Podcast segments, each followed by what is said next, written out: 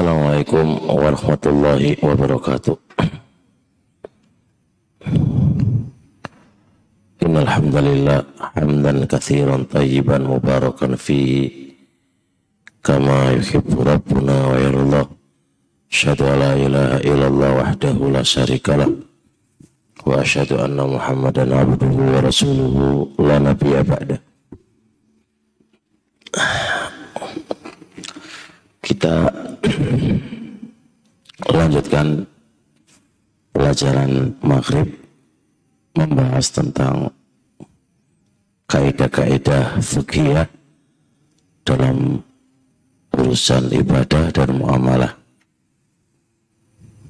Tapi sebelum kita bahas kaidah fikih perlu difahami teman-teman semuanya agama kita ini itu ada dua pondasi. Manakala dua pondasi ini enggak ada, agama kita tidak akan tumbuh. Dua pondasi dalam agama ini itu apa? Yaitu cinta dan pengagungan cinta dan pengagungan ini harus selalu ada di dalam beribadah kepada Allah. Kalau tidak, hancur. Cinta itu memudahkan kita menjalankan perintahnya Allah. Makanya perintahnya Allah itu kalau dasarnya itu cinta, gampang terlaksana pengagungan itu memudahkan kita untuk menjauhi larangan-larangannya Allah. Jadi kalau larangan Allah itu cara kita bisa berhenti itu dengan cara pengagungan. Semakin besar pengagungan Anda kepada Allah, maka semakin mudah Anda meninggalkan larangan-larangannya Allah. Semakin mudah semakin kuat cintanya Anda kepada Allah, maka semakin mudah Anda menjalankan perintah-perintahnya Allah. Sedangkan agama itu berputar antara menjalankan perintah dan menjauhi larangannya. Itulah rahasia kenapa Allah mengatakan wa'iddat lil muttaqina surga itu disiapkan untuk orang-orang yang bertakwa. Sedangkan takwa intinya adalah apa? Menjalankan perintah dan menjauhi larangannya. Maka takwa intinya adalah menjalankan perintah dan menjauhi larangannya. Dan itulah agama. Itulah agama. agama. Kita periksa A sampai Z. Al-Quran atau Sunnah. Isinya adalah menjalankan perintah dan menjauhi larangan-larangannya. Dan ini nggak akan bisa jalan tanpa kita memegang kuat dua ponasita tadi, dua ponasita tadi, kecintaan kita kepada Allah dan pengakuan kita kepada Allah Subhanahu wa taala. Nah, melanjutkan kaidah tadi, kaidah yang kita bahas. Agama itu datang untuk kebahagiaan kita. Agama itu datang untuk kebahagiaan manusia. Dengannya, dengannya agama selalu selalu mendatangkan manfaat untuk kita dan selalu melarang menolak madarat kepada kita. Semua maslahat pasti diberitakan oleh syariat dan semua yang bermadarat itu dilarang oleh oleh syariat. Nah, sekarang kita semalam kita sampaikan juga ketika suatu perkara itu ada maslahatnya dan ada mudaratnya. Maka ini nggak lepas dari tiga keadaan. Yang pertama, lebih banyak maslahatnya ketimbang mudaratnya. Dan ini diperbolehkan. Karena al itu yang terbanyak. yang dianggap itu yang terbanyak. Yang kedua, madaratnya lebih besar daripada maslahatnya. Maka dilarang karena yang dianggap adalah yang ter yang terbanyak. Ketiga, apa itu? Separuh-separuh, 50-50. Maka syariat lebih mengedepankan larangan madarat ketimbang maslahat. Makanya dilarang. Makanya dilarang. Baik. Dalilnya apa? Perhatikan sabda Nabi alaihi salatu wassalam. Ma amartukum bihi fa'tu minni mastata'tum. Wa ma nahaitukum anhu. Apa, apa saja yang saya perintahkan, lakukan semampumu. Dan apa saja yang saya larang, jauhi. Coba jenengan perhatikan, apa saja yang saya perintahkan, itu lakukan semampu kamu. Perintahnya, menjalankan perintahnya Allah diikat semampu kamu. Tapi menjauhi larangannya Allah tidak diikat. Semampu kamu. Ini menunjukkan bahwasanya perhatiannya syariat terhadap larangan itu lebih lebih dikedepankan. Karena kalau men menjauhi larangan itu mampu atau nggak mampu kamu harus jauhi. Ketimbang menjalankan perintah. Kalau menjalankan perintah diikat semampumu. Maka pengikatan ini memberikan sebuah pemahaman, memberikan sebuah maklumat bahwasanya perhatiannya syariat terhadap larangan itu lebih unggul ketimbang perkara perintah. Oleh karenanya ketika 50% maslahat 50% mafsada maka dimenangkan dari mafsada menolak mafsada lebih dikedepankan daripada mendatangkan maslahat. Sekarang di depan kita dua magorot. Di depan kita hanya ada dua magorot. Dua kerusakan. Di depan kita hanya ada dua kerusakan. Yang satu kerusakan lebih besar. Yang satu kerusakan kecil. Bagaimana cara menjalankan kaidah? Boleh kita menjalankan madarat yang kecil demi menolak madarat yang besar. Boleh kita menjalankan madarat yang kecil demi menolak madarat yang lebih yang lebih besar. Contoh, makan bangkai hukumnya apa? Haram. Tapi membiarkan diri kamu mati juga hukumnya haram. Memakan bangkai hukumnya apa? Haram. Membiarkan diri kamu mati dalam keadaan kelaparan hukumnya haram. Mana yang lebih kecil?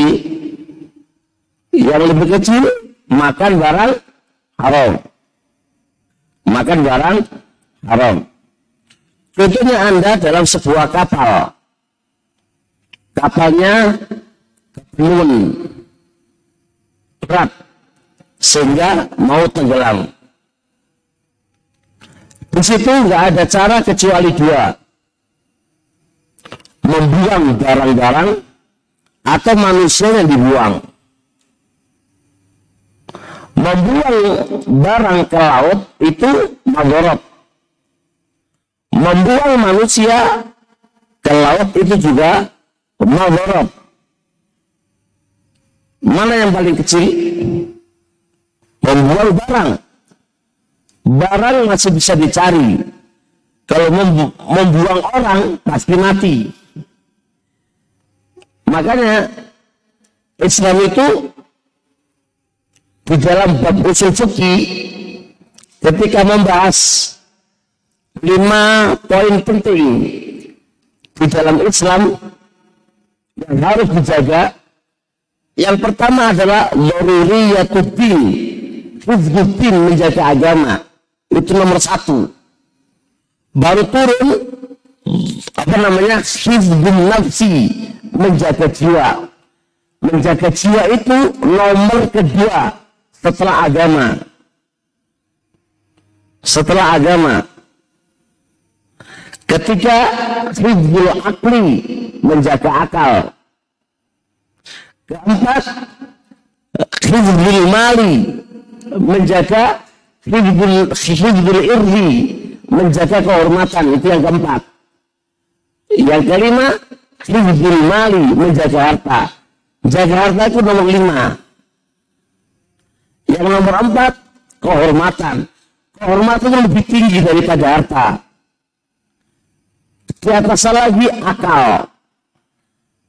Di atasnya lagi nyawa. Di atas lagi agama. Dan semua Islam dari A sampai Z semuanya itu datang untuk menjaga lima perkara ini. Jangan perhatikan perintah-perintahnya Allah, perintah-perintahnya Rasulullah, larangan-larangannya Allah, larangannya Rasulullah, A sampai Z itu semua dalam rangka menjaga lima poin ini.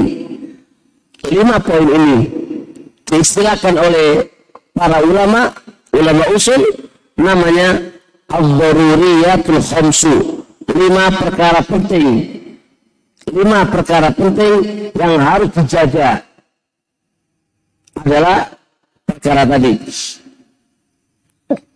Maka Islam itu saya katakan ulang, Islam itu datang untuk kebahagiaan kita, untuk menarik suatu maslahat dan menolak suatu madarat. Oleh karenanya, Nabi Yuna alaihi salatu ketika Umar bin Khattab berkata kepada Nabi alaihi salatu wasalam,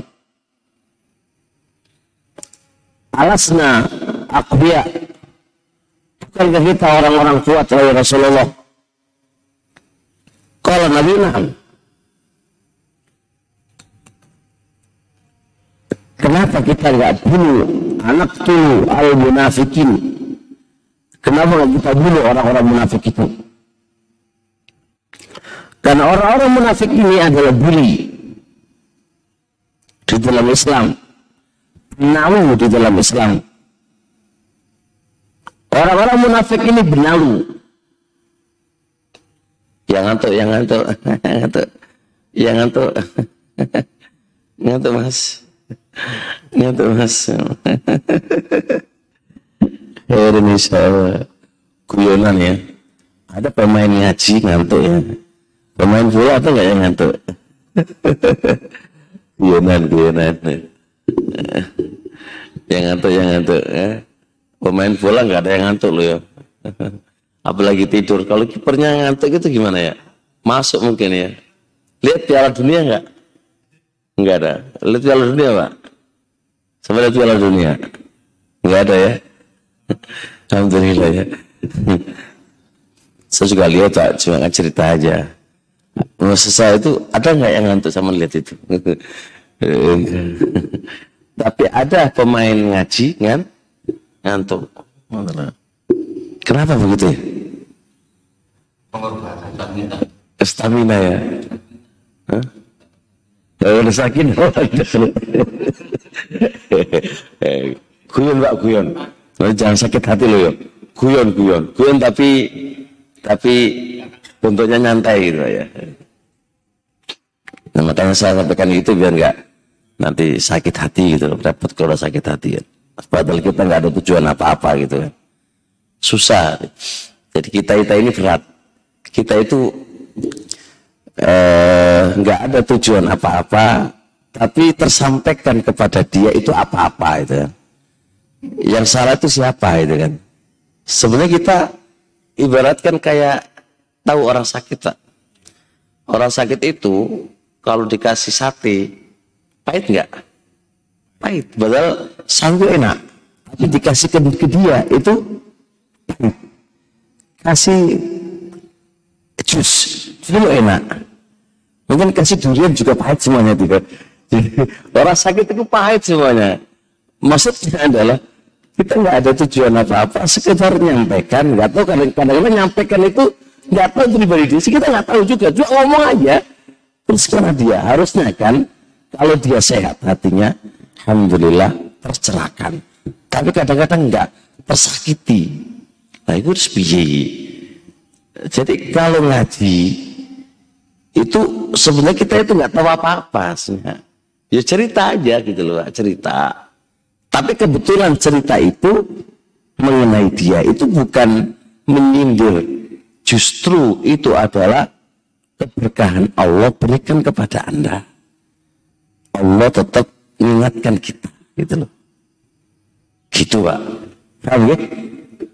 Ada tujuan yang lain. Apa namanya ngaji? Terus sudah. Setelah itu apa kata Nabi Alaihissalam? Iya, kamu kuat. Kenapa kita bunuh aja orang-orang munafik itu? Penalu itu. Penalu. Bikin masalah kok orang-orang munafik itu. Bunuh aja. Coba lihat. Di sini membiarkan orang munafik itu benalu.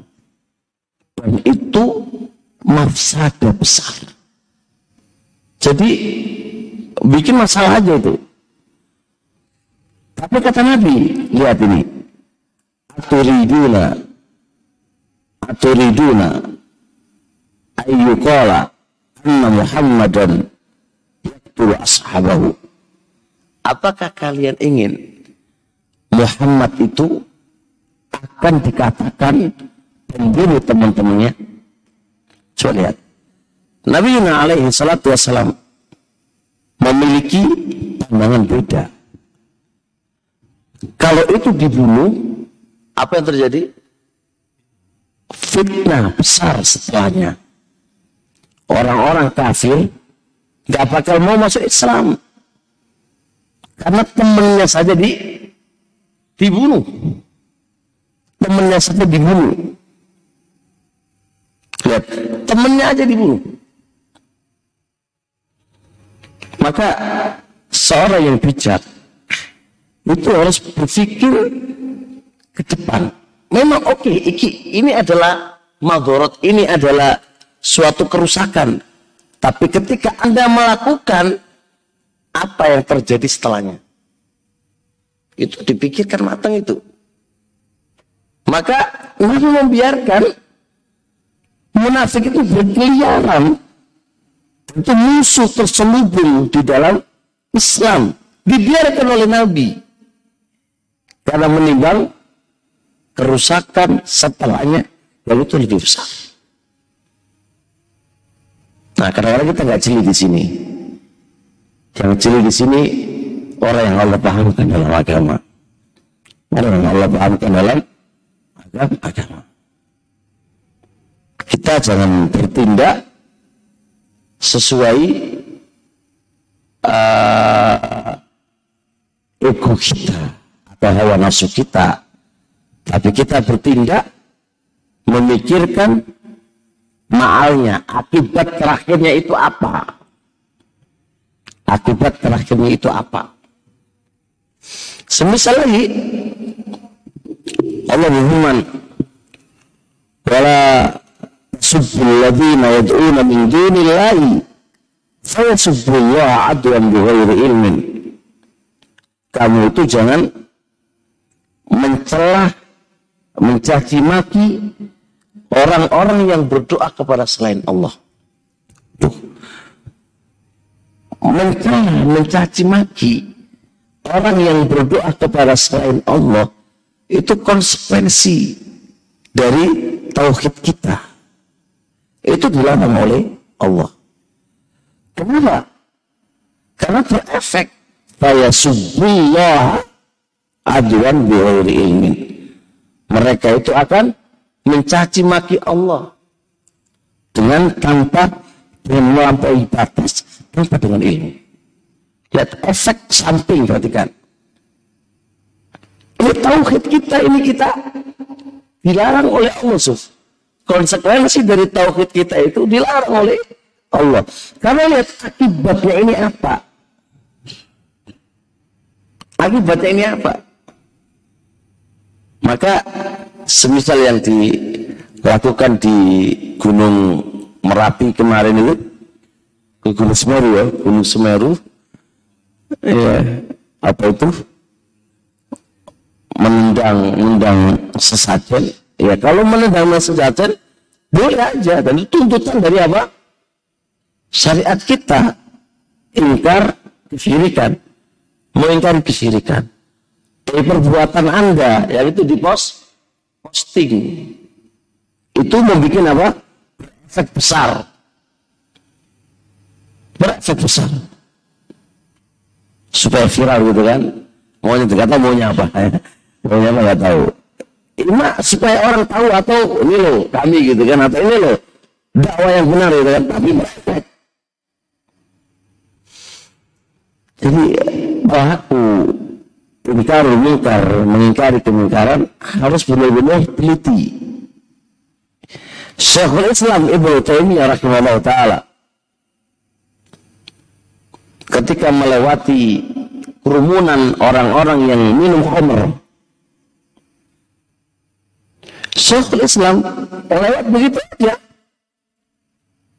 Fa, salah satu muridnya yang menemaninya itu bertanya kepadanya alam tungkil alam tanha ilaih wahai Syekhul Islam kenapa anda nggak melarang orang-orang minum khamr itu? Kenapa anda tidak larang mereka-mereka minum khamr itu? Apa jawaban Syekhul Islam? In, in jikalau aku melarang mereka mereka akan lebih besar lagi yang mereka lakukan. Jadi apa?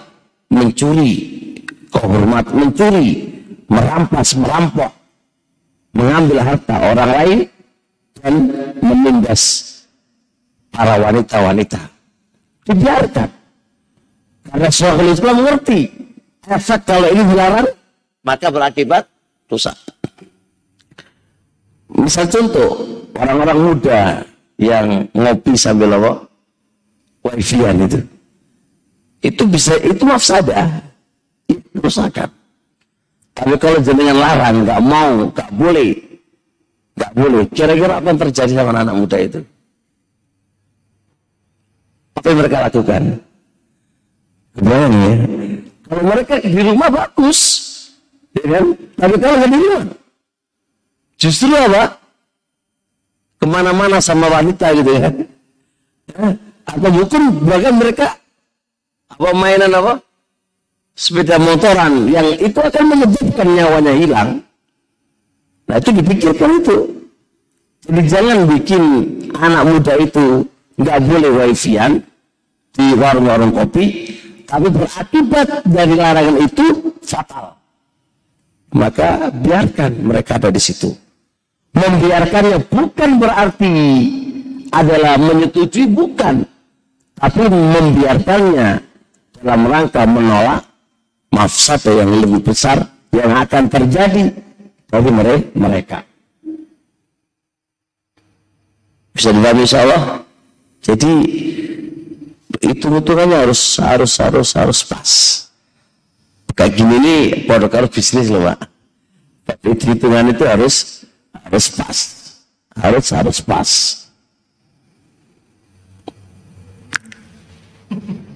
Jelas insya Allah Berarti ini tuh ya kasus uh, Arab Badu yang kencing di, di masjid. Membiarkan kencing itu mafsada. Membentak dia itu kerusakan lebih besar. Kok bisa? Ya kalau kencing dibiarkan di satu titik. Tapi kalau Anda bentak, bisa jadi bawa megang itunya sambil lari. Kalau lari, kencingnya ke mana? Ke mana-mana. Ke mana-mana. Dipikirkan oleh Nabi. Fajazarahu as-sahabatu. Sahabat ingin membentaknya. Lalu enggak, biarkan dia, biarkan dia. Maka Nabi yang Islam membiarkan orang itu kencing. Membiarkan orang itu kencing di masjid bukan berarti apa?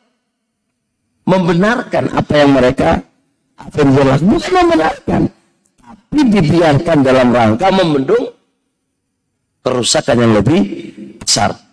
Tapi kan yang sering saya ingat-ingat ini, yang sering saya ingatkan kepada antum semuanya adalah membiarkan itu bukan berarti membenarkan. Ingat-ingat ini. Bukan berarti membenarkan.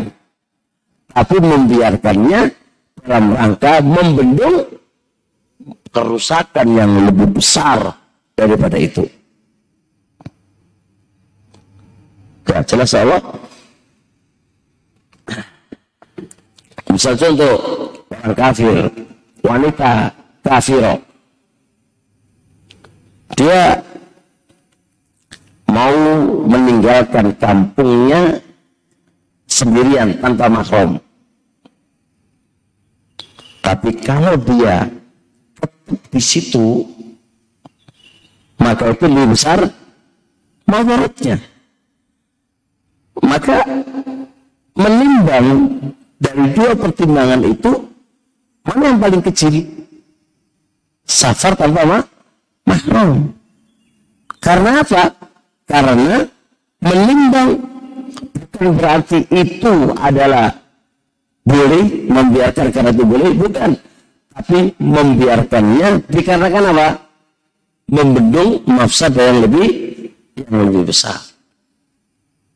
Itulah kaidah satu tapi banyak kaitannya. Satu tapi banyak kaitannya. Sama dalam kasus begini. Contoh ada seorang akhwati wanita multazimah orang tuanya menjodohkan dia dengan orang nggak baik. Adalah pelaku riba. Orang tuanya menjodohkan dia kepada pelaku riba dikarenakan duitnya banyak. Ini sudah khidbah pak. Sudah khidbah. Sudah khidbah. Boleh Abu Muhammad ini ingin mengkhidbah si wanita ini? Badal ini sudah dikhidbah oleh oleh siapa? Oleh pelaku riba tadi. Boleh apa enggak? Oh, boleh kan? Nah, ini ini ini lihat ini. Majunya Abu Muhammad ke wanita ini itu adalah kerusakan. Dilarang oleh Rasulullah SAW.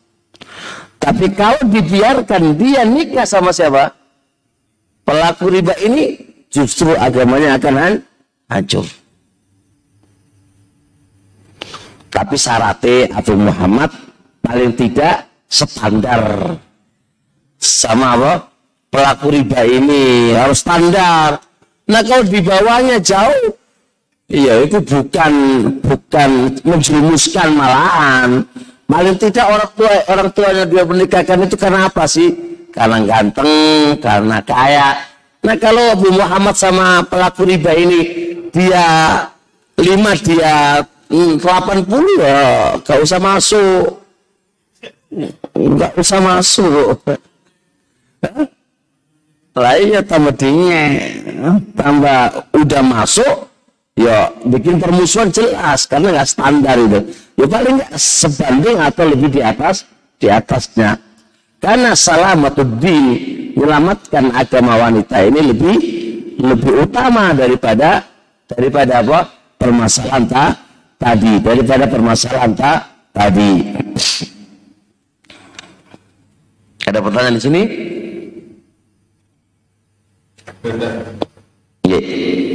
Ini apa namanya permainan anak-anak kayak lato-lato. Kenapa pro kontranya, Pak? Ini antara manfaat dan manfaat. Ya kalau kalau saya nanya apa manfaatnya, Pak? Tidak ada pro dan kontra. Hah? Hanya hiburan ya. Kata Pak Said semalam itu ada itu mengalihkan dari main HP kepada main apa? Lato gitu kan. Terus apa madorotnya? Madorotnya mengganggu kenceng banget itu anak-anak. Yang kedua apa tadi? Bisa jadi lepas talinya mengenai mengenai diri atau mengenai orang lain. Termasuk permainan yang agak membahayakan itu kan. Itu, itu. Kalau hukum asal kok nggak ada masalah. Permainan kok nggak ada masalah. Selama tidak mengganggu dan selama tidak apa itu membawa kemadharatan dan selama nggak melalaikan. Syekhul Islam dalam kitab Maju Fatawa ngasih kaidah semua permainan itu hukum asal boleh-boleh aja selama satu tadi tidak ada pelanggaran syariat tidak mengganggu dan tidak melalaikan. Nah kalau itu melalaikan ya nggak boleh dong. Nggak boleh dong. Kalau itu mengganggu nggak boleh dong. Nah jadi mensifatkan atau secara umum ya nggak bisa. Hukumnya haram. Jadi kalau sifatnya begitu maka dia menjadi menjadi haram. Lagi yang jadi saya sedih, ya, yang saya jadi sedih itu bukan itunya. Ini orang yang nggak jelas memakai permainan lato di YouTube atau di apa lalu diviralkan umat Islam berbondong-bondong apa mengikutinya itu loh kok cepet banget gitu loh. Cara berpikir orang Indonesia ini gimana gitu loh saya itu aja gitu loh. Kok bisa gitu loh? Coba kalau viralnya mereka sholat jamaah semuanya. Kenapa kok gak ikut gitu loh? Kok masa kok main lato hanya baru kayaknya beberapa minggu aja itu ada orang yang ya di di share sih sama di grup-grup itu kan. Seorang main ini muter-muter gitu. Terus udah itu aja udah langsung viral. Terus jadi semuanya kok gampang banget gitu loh. Kok gampang banget padahal orang biasanya kan orang pintar-pintar lah gitu kan. Kok gampang, banget gitu loh cara cara apa cara bikin viral terus kemudian diikuti oleh orang banyak gitu loh. Yang saya jadi nanti itu aja. Kok gak berpikir apa gitu kan. Coba lebih daripada itu. Kebaikan itu kan enak. Sama give, give viral coba sodako di masjid gitu kan terus youtuber.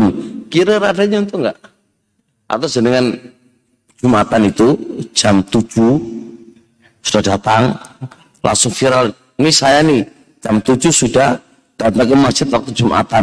Kira-kira ada enggak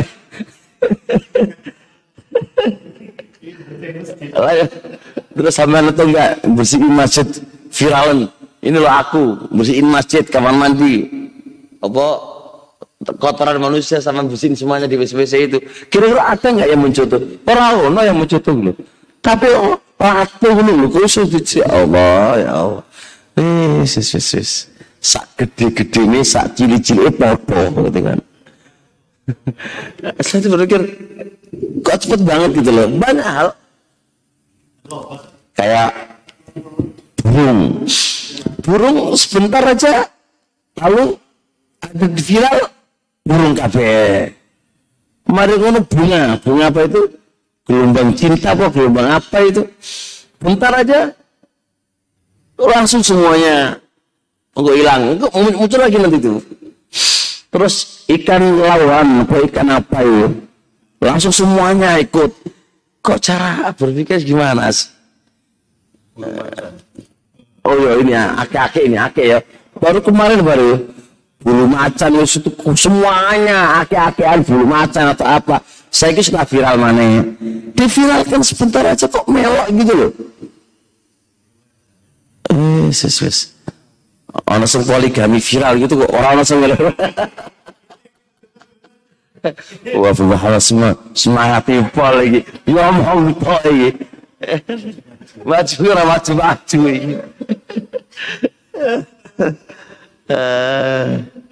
iki Iya, nah, iya terlalu terlalu anu ini desa ini. Ya. Tanya mengenai uh, batasan kemunafikan seseorang. Uh, apakah tanda-tanda seseorang munafik salah satunya kan berbohong Ustaz.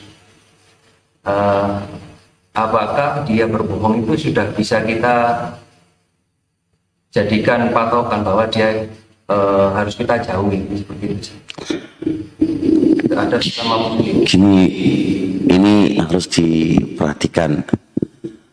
Uh, pertama, ucapan Nabi alaihi salatu wasalam, ayatul munafiki salah salah salah fatun. Tanda munafik itu ada tiga. Pertanyaannya adalah tanda. Tanda orang itu munafik. Tanda. Bukan hukum, dia itu adalah munafik. Tanda-tanda. Pertanyaannya adalah apakah seseorang itu sekali kena tanda itu langsung dihukumi? Mungkin sekali. Sekali gitu kan. Hukum itu ada dua. Ada isim fa'il, ada sigoh mubalago. Isim fa'il itu sekali melakukan, itu dikatakan buat dusta. Ada yang dusta itu sering berulang-ulang bahkan menjadi tabiatnya. Nah ini namanya siwa mubalago atau sifat musyabahat. Sifat itu menjadi karakter dia. Otomatis jelas berbeda dong. Sekali berbuat dengan berbuat berulang-ulang. Saya contohkan begini. Orang itu terkena, orang itu ada tanda-tanda penyakit tipes. Tanda. Apakah mengharuskan dia terkena penyakit tipes? Kan enggak. Tapi ada tanda-tanda yang lebih mengarah hampir-hampir dia terkena tipes. Ketika di tanda awal orang sepakat baru kena tanda awal ini virus jangan di jangan di jauh jangan di dekati nggak bisa dong nggak bisa karena itu bukan berarti mengembang biakan bukan sebab kalau begitu keadaannya maka pasti semua manusia akan dijauhi dengan hanya dia berbuat sebuah kesalahan. Siapa yang kita nggak punya gak punya dosa? Kita nggak usah lihat munafiknya, tanda munafiknya. Semua dosa itu harus kita jauhi. Dan kita nggak boleh berteman kepada orang yang pelaku do, dosa. Berarti dengan pengambilan secara singkat, secara pendek, dengan orang yang berbuat salah, kemudian langsung kita jauhi, nggak bisa dong. Nggak bisa. Maka berefek semua akan dijauhi oleh orang. Maka bagaimana? Maka sifat itu harus mendekat kepada kemunafikan. Itu baru. Sifat mubalaghah yang menjadi karakter menjadi sifat yang selalu ada pada dia ini yang memberikan pengaruh nantinya yang harus dijak, dijauhi. Ke pelaku bid'ah tidak semua orang yang berlaku bid'ah lalu dihukumi dia itu mubtadi. Dan pelaku satu bid'ah bukan berarti di dihajar dan ditahdir menasihati oke okay lah itu kan nggak ada masalah. Hukum tahdir dengan menasihati kan lain. Nah banyak kata Syekhul Islam menghalita telah salah di dalam bab ini sehingga dia tidak memilah mana sekedar pelakunya dan mana hal itu menjadi karakter dan kebiasaan kebiasaan dia jadi eh, Jangan memahami kata tanda lalu kita hukumi karena tanda itu ada sekedar tanda, ada tanda yang mendekat.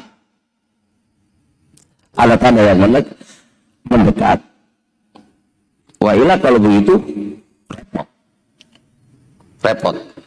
Makanya lihat suruh sarah tentang ayatul munafik.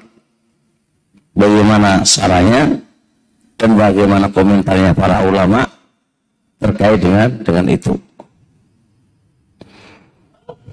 Ya. Berkaitan dengan wanita safar yang dikatakan tadi besar atau tanpa mahram. Bagaimana dengan kondisi seorang wanita yang sudah berlanjut usia? Beliau pasan yang memberikan hadiah umroh, cuma dia tidak punya mahram. Hadiah umroh ini satu orang, seorang wanita ini. Aja. Dia sudah memilih. Seandainya saya memilih berserah pilihan dia. Ada teman-temannya mengatakan pilih aja yang uh, pembimbingnya ustadznya sunnah. Dari pihak ketika travel itu mau berangkatkan terbentur dengan wanita yang bukan mahram ada dua pilihan mau travel yang pembimbing sunnah atau bukan kalau seandainya dia tidak yang sini yang sunnah dia pasti akan lari ke sini apakah tetap dibolehkan travel yang pembimbing sunnah ini memberangkatkan beliau itu karena kalau nggak mau berangkatkan dia tetap memilih sini. Namanya. Saya punya buku tentang ini. Boleh nggak wanita safar tanpa makrom? Saya katakan boleh. Nggak apa-apa dia berangkat walaupun tanpa makrom. Saya punya beberapa alasan.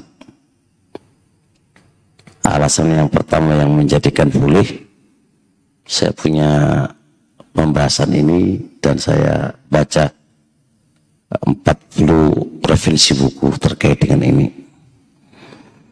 Masalah wanita pada khususnya haji atau umroh eh, tanpa makrom itu masih diperdebatkan di antara para ulama. Pendapat mayoritas syafi'iyah membolehkan. Wanita safar tanpa makrom yang penting aman. Syaratnya mereka aman.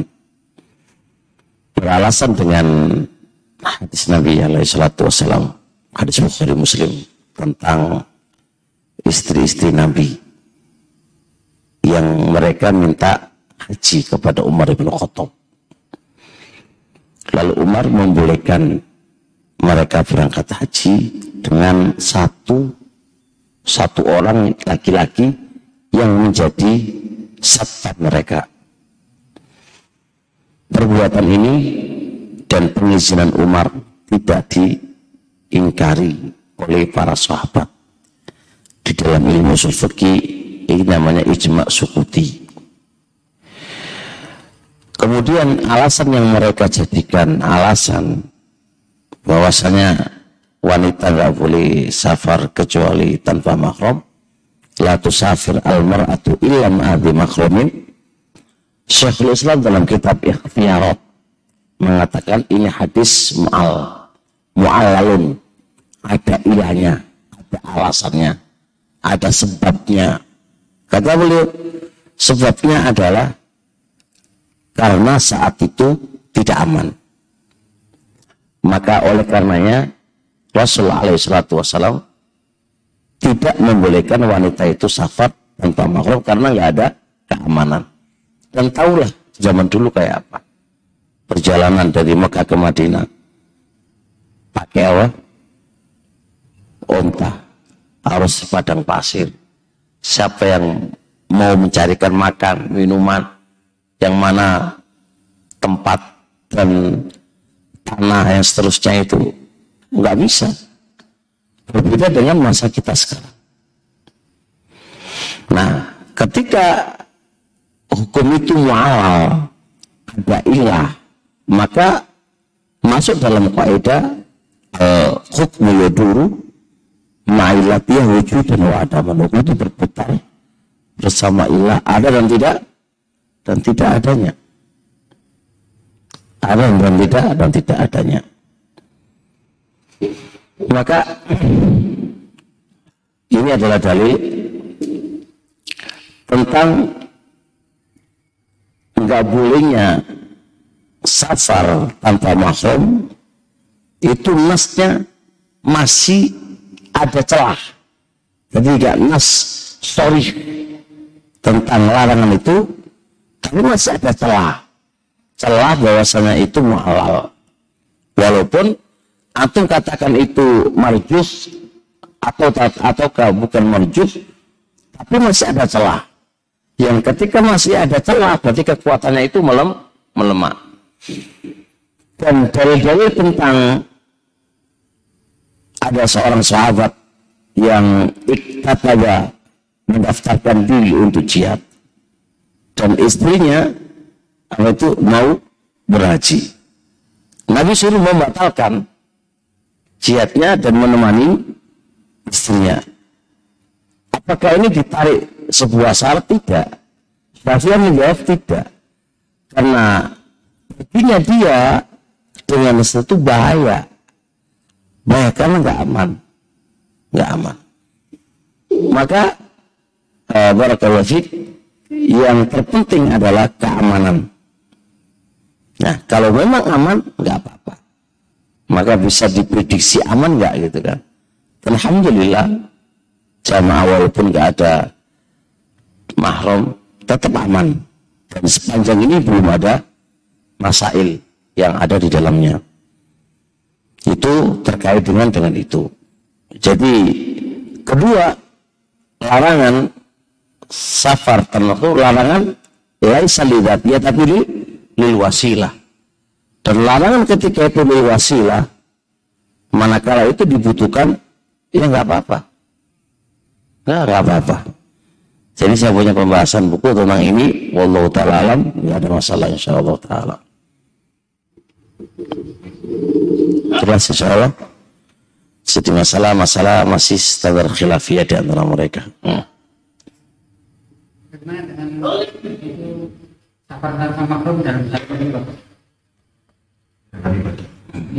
Kayak gimana? Ya, integrasi. Perkara itu kalau bisa dijauhi karena itu nggak dibutuhkan.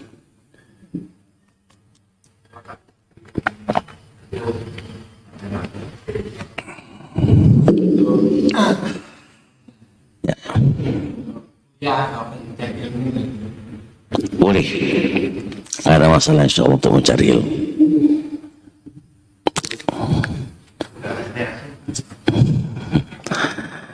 Baik, insya Allah sampai di sini insya Allah.